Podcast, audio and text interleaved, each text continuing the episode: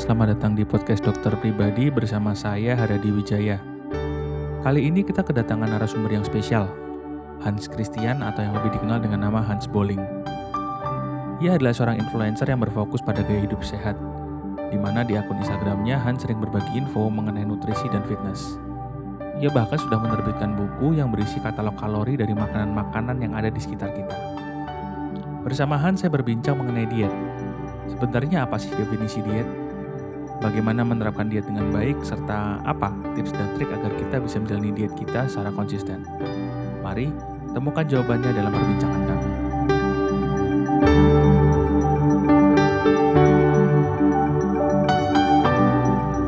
Halo pendengar, selamat datang di podcast dokter pribadi di sesi spesial. Nah, kali ini sesi ini spesial karena kebetulan ini narasumber kita ini spesial juga. Wih, Halo, dengan Halo. Hans. Iya. Hans ini seorang apa ya kalau saya bilang influencer, youtuber, selebgram. non aktif sih itu. Oh gitu ya. Ah, Oke, jadi Hans ini punya konten yang luar biasa. Jadi kontennya dia ini terkait dengan nutrisi ya. Iya, nutrisi, di nutrisi, nutrisi di gitu. Heeh, karena di podcast kita ini kan kita banyak sekali penyakit yang berhubungan dengan apa yang kita makan nih Hmm. Hans. Nah makanya kita pengen ngobrol-ngobrol soal ekspertisnya pengalamannya Oke. Hans. Nah kalau boleh cerita sedikit nih eh perjalanannya bagaimana dari Hans ini dari mana terus bisa sampai sekarang jadi istilahnya punya konten influence mau influence orang-orang dari nutrisi begitu. Kalau aku pengalaman pribadi aku sendiri itu aku waktu kecil gemuk. Jadi Oke. eh, eh, jadi waktu SD sampai SMA itu aku gemuk banget, overweight banget. Jadi emang pernah ngerasain gemuk gimana, nggak enak. Ya buat aku sendiri waktu Iya, itu ya. heeh.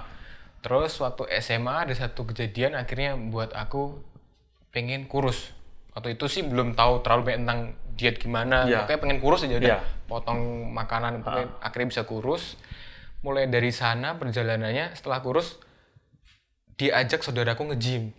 Oh, Oke. Karena waktu aku kecil sampai SMA gemuk, pasti kan biasa orang gemuk nggak suka olahraga kan. Iya. Jadi dulu emang dari sekolah pelajaran paling jelek selalu olahraga, paling nggak suka. Oke. Tapi ternyata waktu diajak nge-gym sama saudaraku, oh nge-gym kok fun ya? Karena Iya. kayak biasa kan kalau olahraga zaman sekolah apa sih yang butuh apa ya sepak bola lah, Ah, basket lah itu kan kayak nggak punya atletik di sana Iya. kan. Tapi ketika nge-gym kayak nggak butuh skill gitu, Iya, kayak yang iya. penting pakai alat aja Iya. udah gitu kan. Oke, ternyata nemuin olahraga yang aku bisa Iya. enjoy, ternyata aku suka dijalanin terus sampai kuliah ke bawah sampai sekarang. Oh, nge-gym sampai dari SMA sampai sampai sekarang. tapi itu interest munculnya di nutrisi itu jadi aku kuliahnya nggak berhubungan sama sekali banyak ngira tuh aku ahli gizi kuliah Iya. gizi padahal nggak ada beberapa yang ngira tuh aku dokter juga padahal Iya. nggak juga Oke. kuliahnya dulu teknik industri Oh, malah teknik industri tapi malah nyemplungnya sekarang berbagi soal nutrisi sama Hmm, jadi kan nggak nyambung banget Heeh. Itu interest mulai di nutrisi setelah lulus kuliah malah. Setelah lulus kuliah aku ngerasa duh aku udah fitness udah nge-gym bertahun-tahun kok gini-gini aja badannya gitu kan. Terus kepeng ada satu momen ketika ah udahlah mending nggak usah fitness kalian aja. Toh ya hasilnya gini-gini aja. Iya. setelah ngelepas fitness kayak enam bulan setahun terus mikir sayang juga ya udah bertahun-tahun kan dari SMA sampai lulus kuliah tuh rajin banget loh fitnessnya. Nggak tapi pernah hasil ya ada bolong dikit-dikit tapi rajin banget kan Heeh. tapi hasilnya nggak sepadan gitu loh Oh, Oke. akhirnya sayang banget ngerasa udah go all in sekalian jadi pengen tahu sebenarnya salahku tuh di mana sih Oh, Oke. Komit 100%. hmm, belajar nutrisi cari tahu cara diet yang bener gimana olahraga yang bener gimana setelah serius cari tahu ternyata belajar nutrisi malah jatuh cinta sama nutrisi oh ternyata kok belajar nutrisi fun buat Fun, aku ya oke, oke. suka udah itu aku ingat 2012 pertama kalinya kebuka mata tentang nutrisi awalnya sih cuman pengen belajar untuk diri sendiri ya dipraktekin. Karena aku ngerasa perjalanan fitnessku kok bertahun-tahun gini-gini aja. Yang bener kayak gimana sih? Hmm, akhirnya aku cari tahu. Ternyata setelah tahu informasi yang bener tuh dalam 1-2 tahun perubahan di badanku luar biasa banget.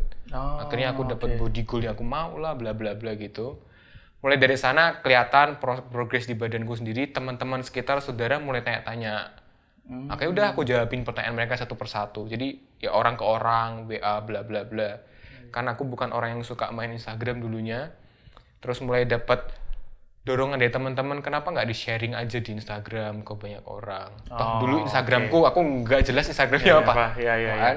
Udah Instagramku aku pakai buat sharing hal-hal kayak seperti itu. Ya, ya, ya. itu mulai di bulan Maret 2018 ingat banget aku pertama kali banget bikin konten yang serius buat Berarti sampai hari sharing. ini. sampai hari ini Yang menarik jadi gini Hans, karena dari perjalanan podcast dokter pribadi ini, Hmm. setahun kita berjalan ini tuh eh penyakit yang sering kita bahas, yang kita bahas itu banyak sekali yang terkait dengan makanan sebenarnya, pola hidup, Hmm, pola hidup yang terkait dengan makanan seperti diabetes, kemudian darah tinggi, kemudian asam urat, itu kan banyak sekali hubungannya dengan apa yang kita makan. Nah, ketika kita ngomong soal makanan, apa yang kita makan, orang pasti hubungannya dengan diet. hmm. Nah, orang itu beranggapan diet itu susah. Hmm. Nah, Hans ini kan berangkat dari tadi yang awalnya cuma mulai dari gym, terus memperhatikan nutrisi pribadi. Jadi sebenarnya kan kita berbicara soal dietnya kan. Hmm. Sebenarnya diet itu susah nggak? kalau di posisiku sekarang yang aku udah tahu informasinya gitu aku bisa menyimpulkan tuh sebenarnya diet itu simple nggak Iya, rumit simple. Tapi kalau diomong gampang nggak juga. Oh, Oke, memang tetap nggak gampang ya. Heeh, untuk ngejalaninnya tapi yang menurutku yang bikin nggak gampang itu bukan dari sisi ngatur pola makannya tapi komitmen konsistensi gimana orang ngejalaninnya. Karena nggak dipungkiri ini yang aku alamin sendiri juga. Ketika aku merubah pola diet pola makanku lingkungan sekitarku awalnya kayak semi nggak bisa terima gitu loh. Aku kan eh, prinsipnya aku anut itu flexible dieting jadi aku atur asupan kaloriku berapa makronutriennya gimana. Jadi kalau aku makan aku timbang. Oh, Oke, setiap makanan ditimbang. dulunya aku setiap kali makan aku timbang. Dan di keluarga aku ngeliat hal itu awal-awal reaksinya pasti kan banyak orang nggak bisa nerima. Justru dari lingkungan sekitar gitu loh. Iya. diledekin lah diomongin apalah makan makan nasi pakai ditimbang-timbang, eh, nah. gitu-gitu kan tapi waktu itu sih aku bodo amat karena aku ngerti ini buat aku mencapai goalku aku tahu ini aku lakuin bener gitu loh Oh, oke. simple karena aku udah tahu prinsipnya sebenarnya simple hitung kalori hitung makronutrien aku makan segini bebas mau makan apa aja nggak ada pantangan sama sekali Oke. Cuma untuk ngejalaninya untuk konsisten bisa terus konsisten komitmen seperti itu yang susah. Oke. Ya ya ya, karena yang menarik kan ini, diet itu kan artinya kalau orang di sini mungkin lebih apa ya, masyarakat kita tuh menganggapnya diet itu mengurangi makan atau membatasi makan. Nah, sebenarnya definisi diet sendiri itu apa dong berarti? Aku pernah baca di Cambridge, kamus Cambridge, kamus Oxford aku cari sebenarnya basically diet itu pengaturan pola makan seseorang. Jadi diet nggak melulu harus turun berat badan. Oke. Kita mau naikin berat badan juga kita harus menjalani satu pola diet tertentu juga. Jadi diet itu sebenarnya pola makan yang dijalani oleh seseorang gitu loh. Oke, pola makannya. Hmm, cuman emang kata diet lebih sering dihubungkan dengan menurunkan berat badan itu tadi. Jadi kayak persepsi orang Iya. kebanyakan di Indonesia, oh lu lagi diet, lu lagi mau nurunin berat badan. Ya, ya, ya, ya, ya. Heeh. Padahal sebenarnya kan dia, berarti diet kalau pola makannya kan ngomong soal lifestyle, soal soal gaya hidup berarti Iya. kan. Baik itu orang itu mau menurunkan, mau menaikkan berat badan, atau bahkan mungkin menjaga berat badan. Iya, mau maintain pun juga iya perlu dijaga. Nah, di Instagramnya Hans atau di di sosial medianya Hans, Hans kan sering sharing ini yang menarik adalah konten-kontennya ini konten-konten yang sangat sehari-hari. Jadi kayak makanannya tuh nggak yang nggak kayak yang kayak di buku-buku atau majalah yang kayak strict banget gitu loh. Nah sebenarnya eh, apa sih yang perlu dilakukan orang ketika kita ngomong mau jaga pola makan atau makan lebih lebih bener lah? Karena tadi kalau kita tidak tidak tidak benar-benar mengerti yang kita makan, masalahnya kan di itu bakal efeknya panjang, entah itu penyakit atau sebagainya. Apa yang orang harus perhatikan sebenarnya ketika kita ngomong mau menjaga pola makan, mau diet nih istilahnya. Kalau dari aku, aku rasa kan tiap orang punya pendekatan beda-beda ya. Kalau pendekatan yang selalu aku pakai ketika ditanya pertanyaan seperti ini, pertama kita cari tahu kebutuhan kalori. Oh, dari sini dulu. Jadi ada namanya hukum keseimbangan energi, energy balance. Oke. Hubungan antara kalori masuk dan kalori keluar. Basic banget sebenarnya, simple banget. Jadi kenapa berat badan kita bisa naik? Karena energi yang masuk dalam tubuh kita lebih besar daripada energi yang keluar dari tubuh kita. Oke. Itu disebut energi surplus. Ya. Makanya berat badannya naik. Kelebihan energi tadi itu disimpan di tubuh kita berupa cadangan energi yaitu lemak. Kedua, kalori maintenance. Jadi energi yang masuk sama energi yang keluar sama. Oke. Sama besarnya. Jadi berat nggak naik, berat nggak turun. Yang ketiga, namanya kalori defisit. Energi yang masuk lebih kecil daripada energi yang keluar. Hmm. Jadi intinya kalau kita mau berat badan, energi yang masuk harus kita atur supaya lebih kecil daripada energi yang kita keluar. Oke. Bisa ada dua cara. Berarti ada dua variabel nih, energi masuk sama energi, keluar. Biasa yang sangat sering diperhatikan orang tuh lebih di energi masuknya. Energi masuk apa ya? Semua makanan dan minuman yang kita konsumsi yang ada nilai kalorinya, udah itu aja yang kita atur. Nah, sebenarnya ada formula, ada banyak website juga. Jadi kita cari tahu langkah pertamanya ya berapa kalori yang kita butuhin sehari-hari gitu. Itu ada formula yang aku sering share juga kontennya di Instagramku. Ada formula yang biasa aku sering pakai itu catch make Arl apa ada hitungannya lah ya. Kalau yang males ngitung itu ada juga website tdiikalkulator.net lah atau apa itu banyak banget. Mencari data TDI itu. Heeh, jadi TDI kan total daily energy expenditure. Jadi kebutuhan kalori yang kita butuhin per harinya berapa. Oke. Dari situ udah kita tahu, oke, aku anggap itu kayak itu saldo kita tiap hari, balance kita tiap hari. Kalau kita mau turun berat badan berarti ya udah usahain jangan sampai melebihi saldonya tadi kita per hari itu. Kita punya jatah kalori ya sehari segitu. Kita mau turun berat badan ya usahakan konsumsi kalorinya di bawah nilai itu. Udah. Prinsipalnya diet cuma itu aja basicnya. Oke. Oke, simple banget Mau sebenarnya. kita kalau naik ya berarti energi yang masuk energi harus surplus. Kalau Iya, mau udah. turun harus defisit. Udah basically itu aja. Sederhana itu. Heeh, simple tapi ya emang prakteknya banyak faktor lain itu kan kita baru bahas dari faktor energi masuk Iya. ada faktor dari energi keluar juga sebenarnya Aktivitas kita Iya. akhirnya. Aktivitas kita. tapi kalau tanya hanya ngomongin berat badan basic rule-nya ya cuman itu aja dah doang Hmm. hukum keseimbangan energi udah itu Kalau orang memperhatikan itu. Heeh.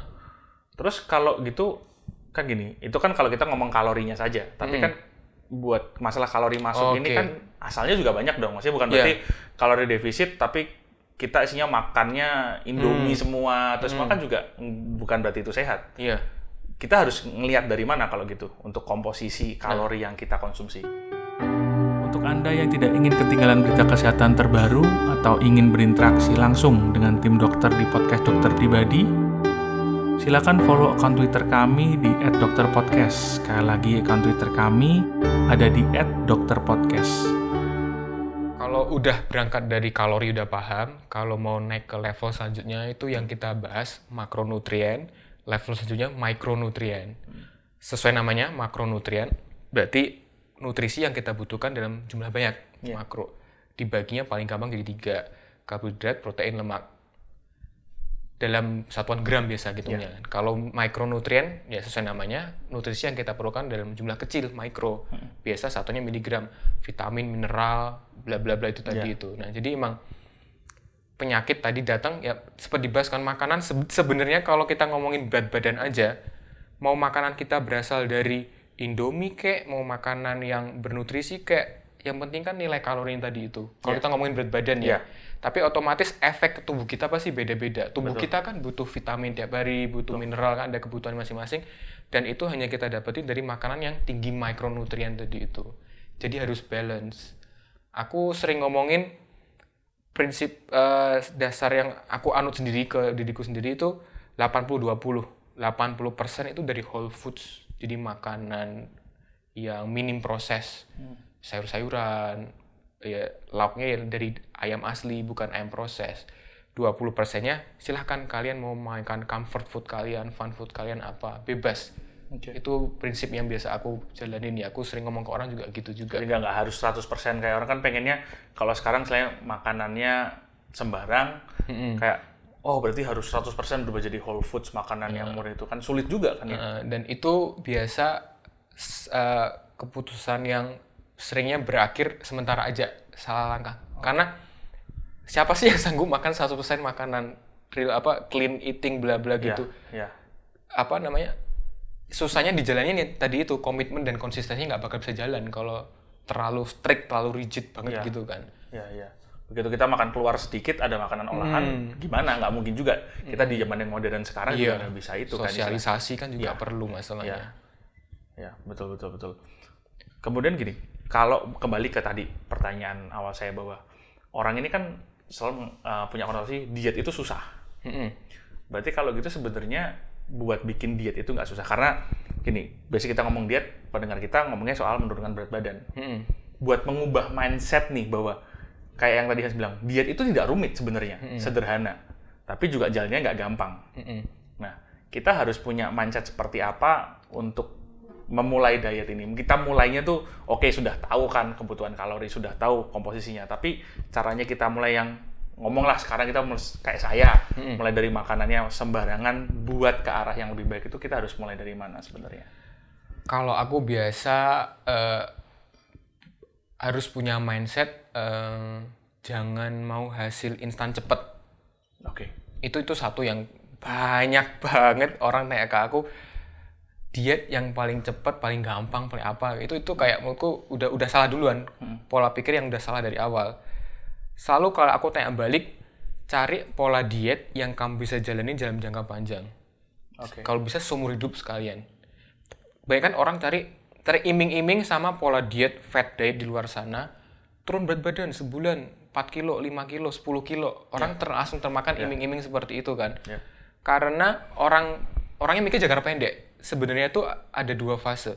Fase pertama proses menurunkan berat badan itu okay. justru jangkanya pendek. Fase kedua adalah mempertahankan berat badan tersebut. Itu mau sampai kapan? Kita kan pasti mau seumur hidup kan. Betul. Jadi ya kalian cari pola diet yang emang bisa kalian jalani dalam jangka seumur hidup. Banyak orang tuh berpikiran, oke okay, aku mau diet, mau turun goal 5 kilo. Yaudah diet 2 bulan 5 kilo. Setelah selesai, berarti dia ubah pola makan dong. Dia berhasil yeah. turun 5 kilo kan yeah. 2 bulan.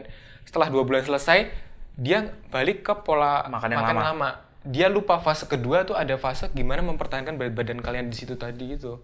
Itu juga harus dijaga masalahnya bukan cuman diet nurunin berat badan, tapi ada fase selanjutnya gimana cara aku menjaga berat badanku yang baru ini gitu loh. Oh, makanya tadi Hans ngomong bahwa bagaimana punya diet yang bisa, bisa dinikmati seumur hidup. Seumur hidup.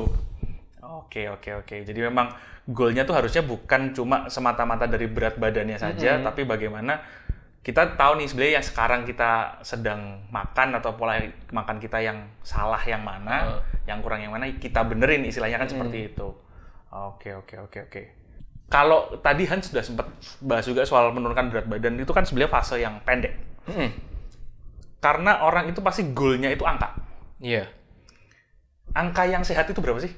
Kalau kita boleh ngomong angka yang sehat menurunkan berat badan tuh angka kilogramnya atau persentasenya itu berapa orang sebenarnya yang sehat untuk menurunkan berat menurut pengalamannya yang Hans? Kalau ditanya sehat, sebenarnya kan di organisasi WHO pun punya namanya BMI, Body ya, Mass Index.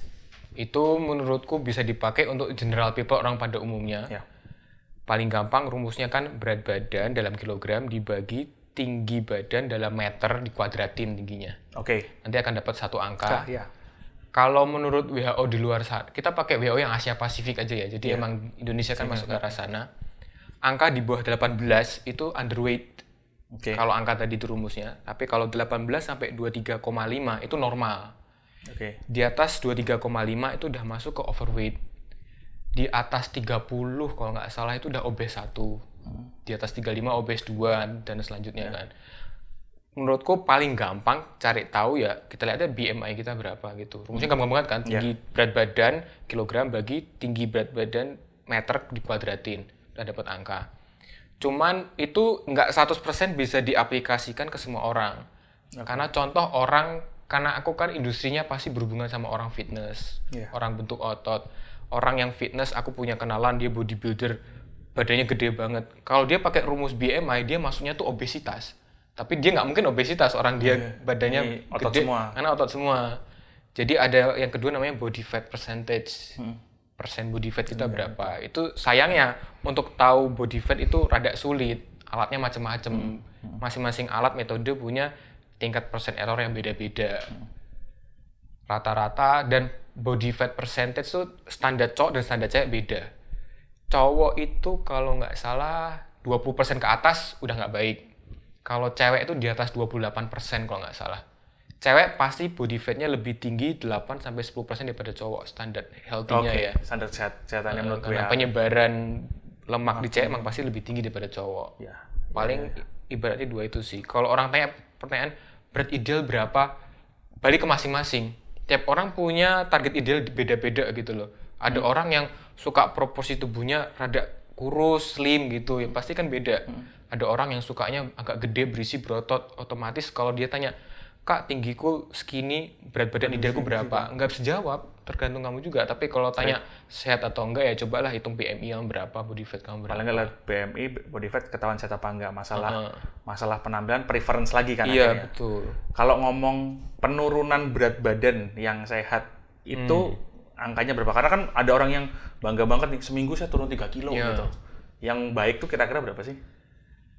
Ini sih aku dapat dari satu buku aku baca eh, PhD di US sana dia ngeluarin buku. Aku nggak tahu ini standar internasional atau enggak, tapi menurut dia yang bagus itu turun berat badan yang sehat. Ya. Fat loss tujuannya karena fat loss ya. Ya. Beda weight loss dan fat loss kan beda. Ya. Yang kita mau pasti sebisa mungkin kita fat loss yang turun lemak kita, bukan masa Otot kita. otot kita kan.